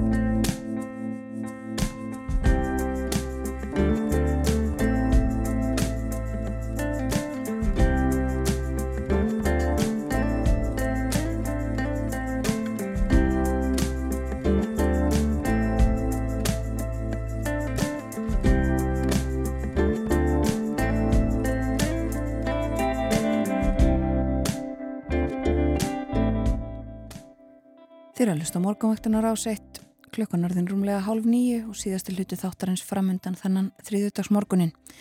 Við höfum rætt við Þórsna Júliusson og Artúr Björgum Bodlason. Í morgun rættum um eh, íslensk efnahagsmál og samfélagsmál og svo um þísk þjóðmál við Artúr Björgvin og nú ætlum við að fara til Brasilju. Bárust að því fregnir á sunnudag að eh, hópur fólks hefði ráðist inn í þingús inn í Forsötahöll og eh, Hæstarétt í Brasilju og allt eh, myndi þetta á það sem að gerðist rétt rúmum tveimur árum fyrr í Washington í Bandaríkjunum. Þarna var á ferðinni stuðningsfólk fráfarandi Forsöta sem að já, ekki sætti sig við úrslitt Forsötakostningana þar í landi. Við höfum fengið stundum til okkar Luciano Dutra þýðanda sem er búsettur á Íslandi en Brasilíumadur og hann er á línunni núna frá Brasilíu. Góðan dag. Góðan dag, Þórun Elisabeth. Þú ert uh, stattur í Brasilíu og þar er, uh, já, þar er uh, klukkan hvað? Halv sex að mótni? Jó, rúmlega, halv sex. Já. Hvað ertu stattur nokkvæl í Brasilíu? Ég er statur í Porto Alegre, heimaborginni minni, heimsækja fjölskyldu ætingi á vinni hér sem hefur ekki gerst vegna COVID í þrjú ár. Já. Þannig að þetta er já, skemmtilegt að vera hér en samt uh, leginlegt að vera vitni að því sem hefur gerst, gerst nýla. Já, einmitt. Förum að sé yfir þetta uh, sem að gerðist á uh, sunnudag. Já, Eh, það var bara einfallega gert, þetta eru mótmæli sem hafa staðið síðan uh, úslitt kostninga var, var tilkynnt og fólk sem sætti sig ekki við að uh, liðræði hafi haf, haft sín gang og ný, nýja fórsetta kosi og síðan tekinn við. Um, fólk hefur verið að halda sig í uh, svona mótmæla búðum á kalla uh, fyrir framann herrstöðvar við um landið um, og mikið þólimæðið sind gagvart heim í nafni einmitt liðræðis en nú virðist vera nóg komið og er verið að bara hlýðja í, í, hérna, og fólk bara að dreifa sig og horfa aftur til daglegs livs vonandi. Já, það var sérstaklega gert í kjölfarið á þessari innrás þessar hóps í, á þessar staði sem ég nefndi á þann að nú er sérstaklega bara verið að riðja þessar búðir og það hefur ekki verið 1500 manns eða eitthvað svolítið sem að hafa verið handtekinn. Já og þessa, þessi tala á eftir að hækka það er vida mikil rannsókn í gangi uh, í Brasiliborginni og, og víða til að rekja hvað, til, til að mynda hvaðan kom fjármæk til að halda fólki svona utan vinnu á þessum búðum? Svo við komum skipti og uh, líka uh, fjármæk til að uh, bara ferja þessa fólk, þessa fólk til, til Brasiliborgar núna á um helgina með þeim aflegningum sem heimurinn hefur núna vitni að þannig að þetta er eins og ég segi þetta á, þessi tala á eftir að hækka.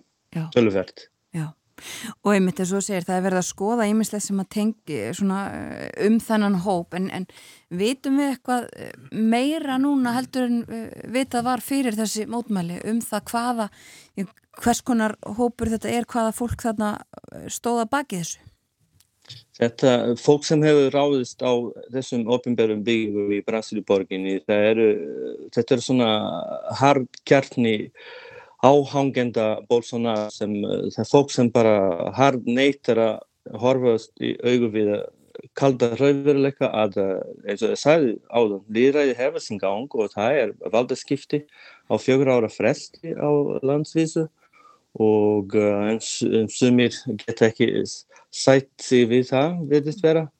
En þetta er klárlega orðið að minni hluti bara algjörlega. Um, enda þótt Bolsonaro hafi fengið uh, hel, svona, tæpum helmingi atkvæða í, í setni umferð kostninga núna hefur stundningu við uh, þessar atbyrði uh, dalað og það er um í kringum 10% sem eru jákvæði í gardi þessa fólks um, en 90% landsmann eða brasilimanna er á móti og neitt með, já, þeim bara þeim finnst það ekki gott að ný ríkistjótt byrji með svona látum um, Luciano já. Bolsonaro hafði sjálfur haft upp í evasemtur um kostningakerfið í Brasilíu og margir af þessu fólki sem að, uh, hefur verið að mótmæla uh, heldur því fram að eins og í bandaríkjónum að uh, stundningsmenn Trump sem að sögðu sko að kostningunum hefði verið stólið en Já. núna Bolsonaro hann gaf samt sem áður út yfirlýsingu öfut við Trump þegar að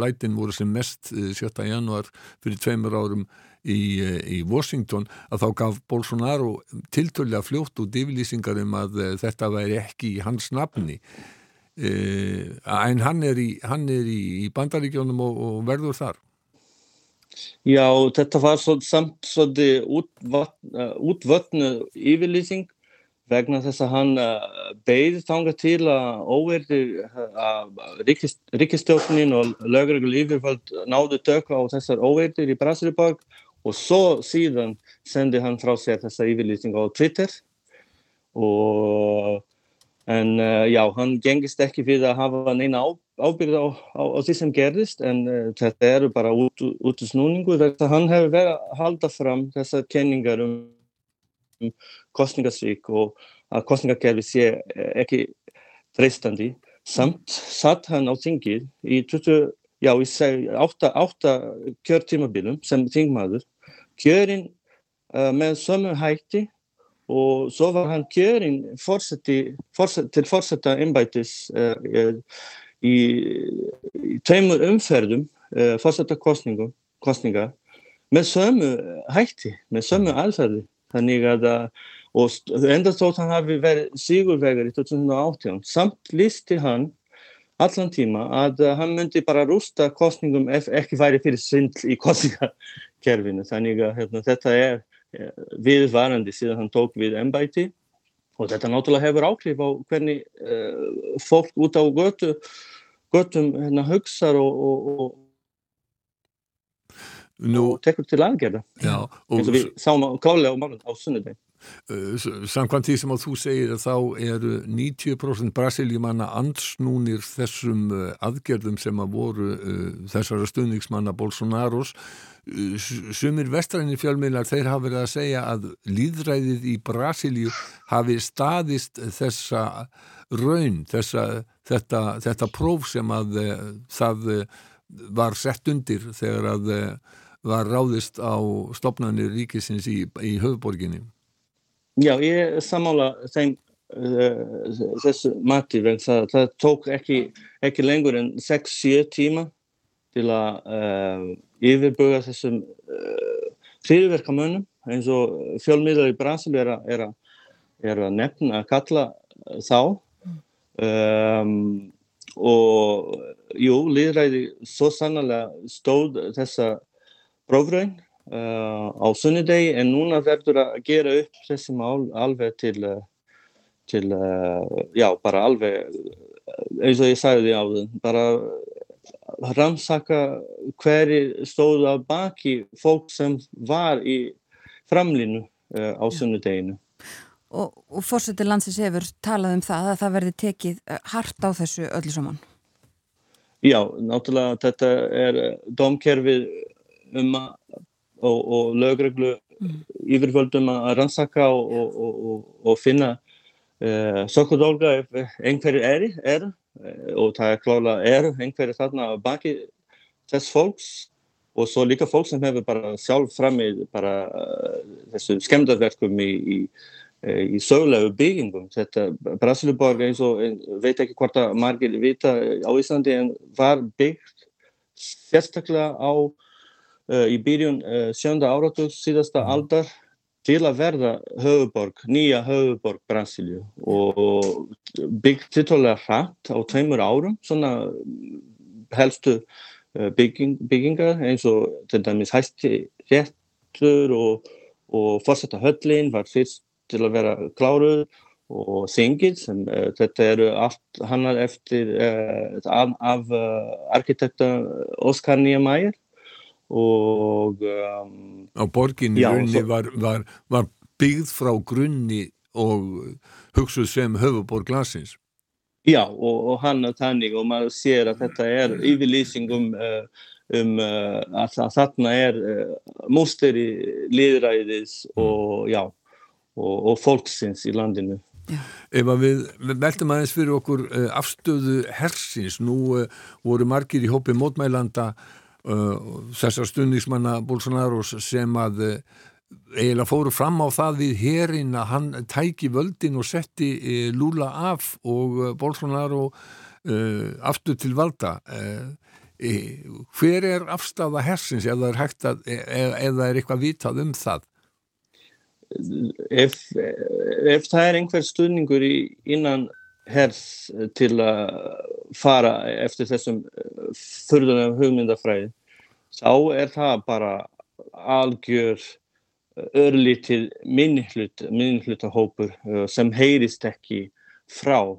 Um, her uh, uh, já, fóristumenn í her, hersins eru ekkert að taka undir þessu málflutningi og það eru þau fyrir bara tóku við nýjir uh, leittókar uh, núna við uh, þegar Lula var einfengtur sem fórseti fyrir viku, rumlega viku síðan.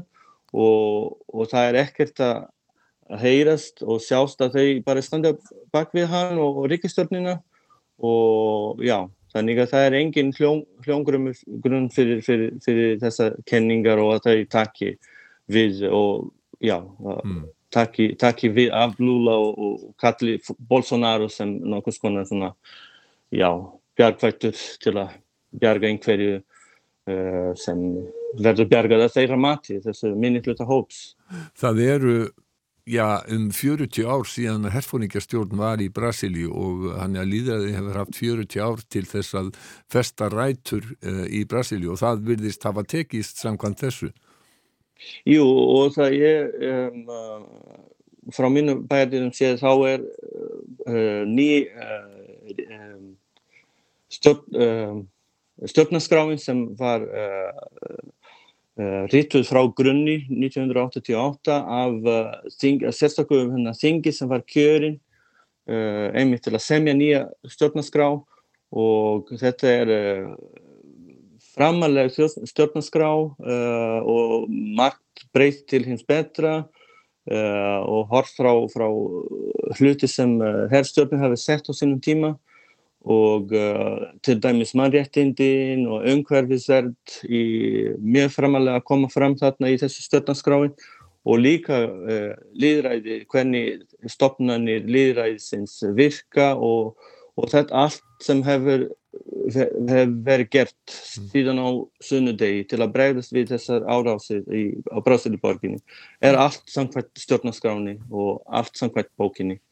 Fréttir, já. Já, fréttir svona alltjóðlega fréttir það er að tala um það að uh, fólk að sko hundru, tugir eða hundru þúsunda manna hafi færið út á götur hann og mest að tala um í Sá Pálu í því sambandi til þess að sína líðræðinu stuðning en þetta var ekki bara í Sá Pálu Nei, þetta var bara á öllum helstum uh, stórum borgum í Brasilíu, Norður, Suður, Östu, Vestur. Ég, ég stattur fyrir sunnan hér Já. og fórum út, fór út með fjölskyldu í kær, um, rumlega sex í kær eh, til að uh, bara fara að kaupa mat.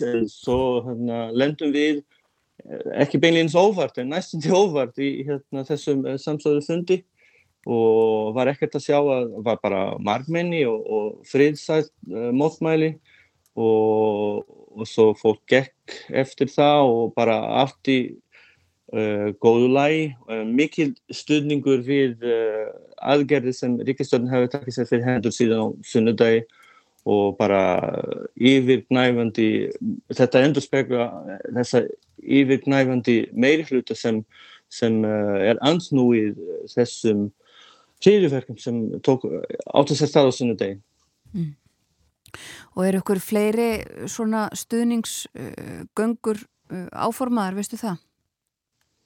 Um, hef, þetta hefur skeið bara veist, í gerðkvöldi og en þá berast frettir að því í, í fjölmiðlunum en um, ábyggilega verður eitthvað meira núna um helgina eða förstu daginn Uh, og í næstu vikum eins og það verður uh, fyrir svona stöðningi en uh, þetta er bara alveg ljóst núna að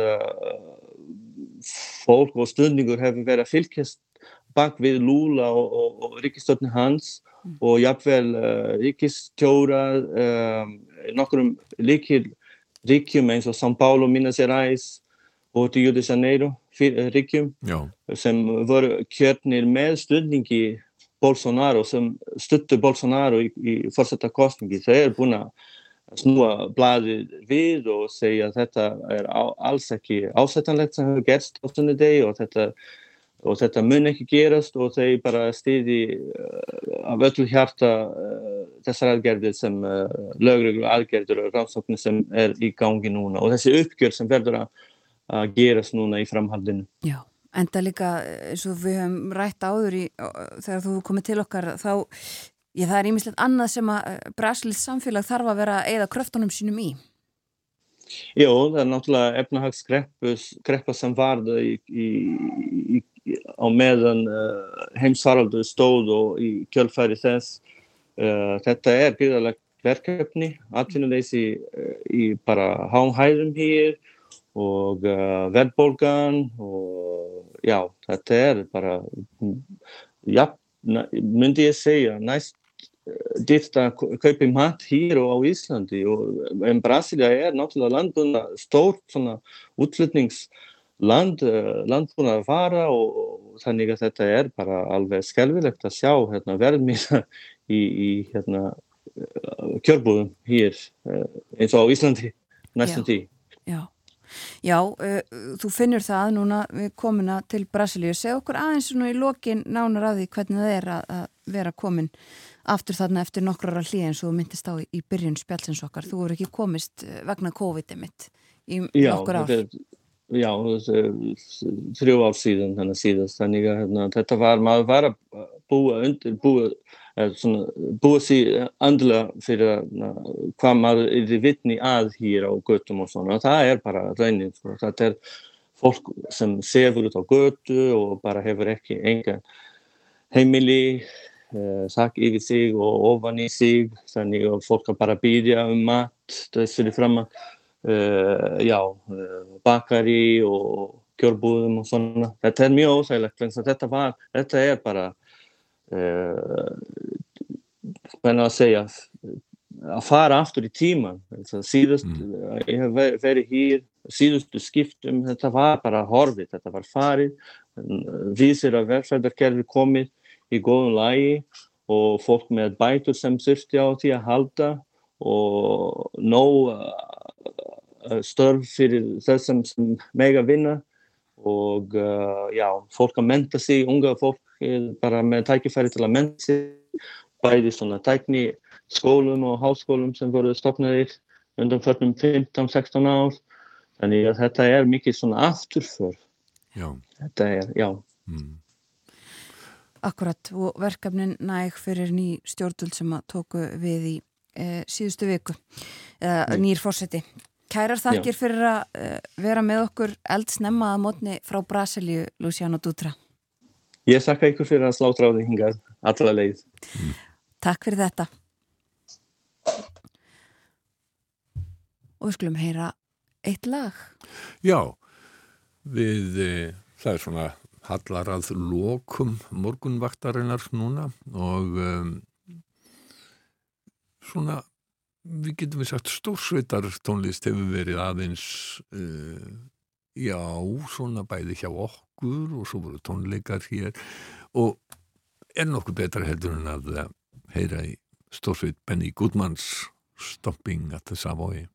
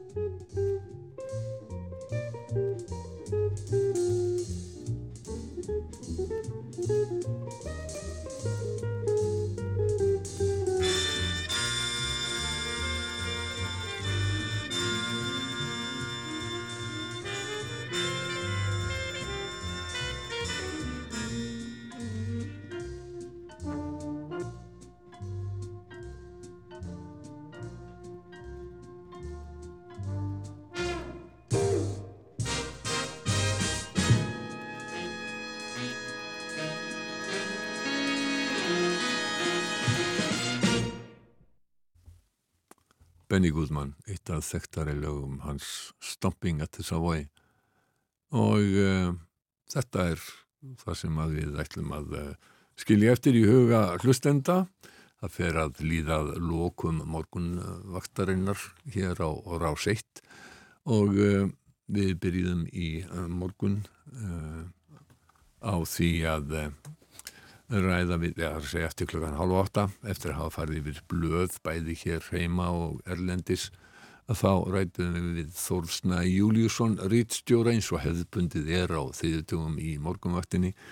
Og rættum þar meðal annars eh, já, yfirlýsingu sem að barst frá Íslandsbanka í gær eh, vegna frum nýðustuður ansóknar eh, fjármála eftir litsins á sölu hlutar í Íslandsbanka fyrir á, í mars á, á síðast ári. Það er jafn hefðbundið að Arstúr Björgum Bodlarsson komi hér á þýðutjóðum og hann rætti sömu leiðis ímsa hluti sem eru í, ofalega bögi í Þískalandi og nú síðast rættum við Luciano Dutra þýðanda sem er eh, stattur í Brasíli en búsettur á Íslandi eins og er hann í heimaborgsinni í Brasíliu og var þar vittni að því að 20.000 ef ekki 100.000 brasilumanna fóru á götur út í gær til þess að lýsa yfir stuðningi við líðræðið og andstöðu við þá sem að eh, gerðu áhlaupa á stjórnarbyggingar í höfuborginni í Brasilíu. Engun veginn svona var morgunvaktin í dag um sjón hafðu Bói Ágússon og Þórun Elisabeth Bóadóttir. Við verðum hér aftur í fyrramálið. Bjóðum góðan dag þegar klukkuna vantar um það byrj tíu mínútur í sjö. Við þakkum samfélgina þennan þriðudags morgunin. Verðið sæl.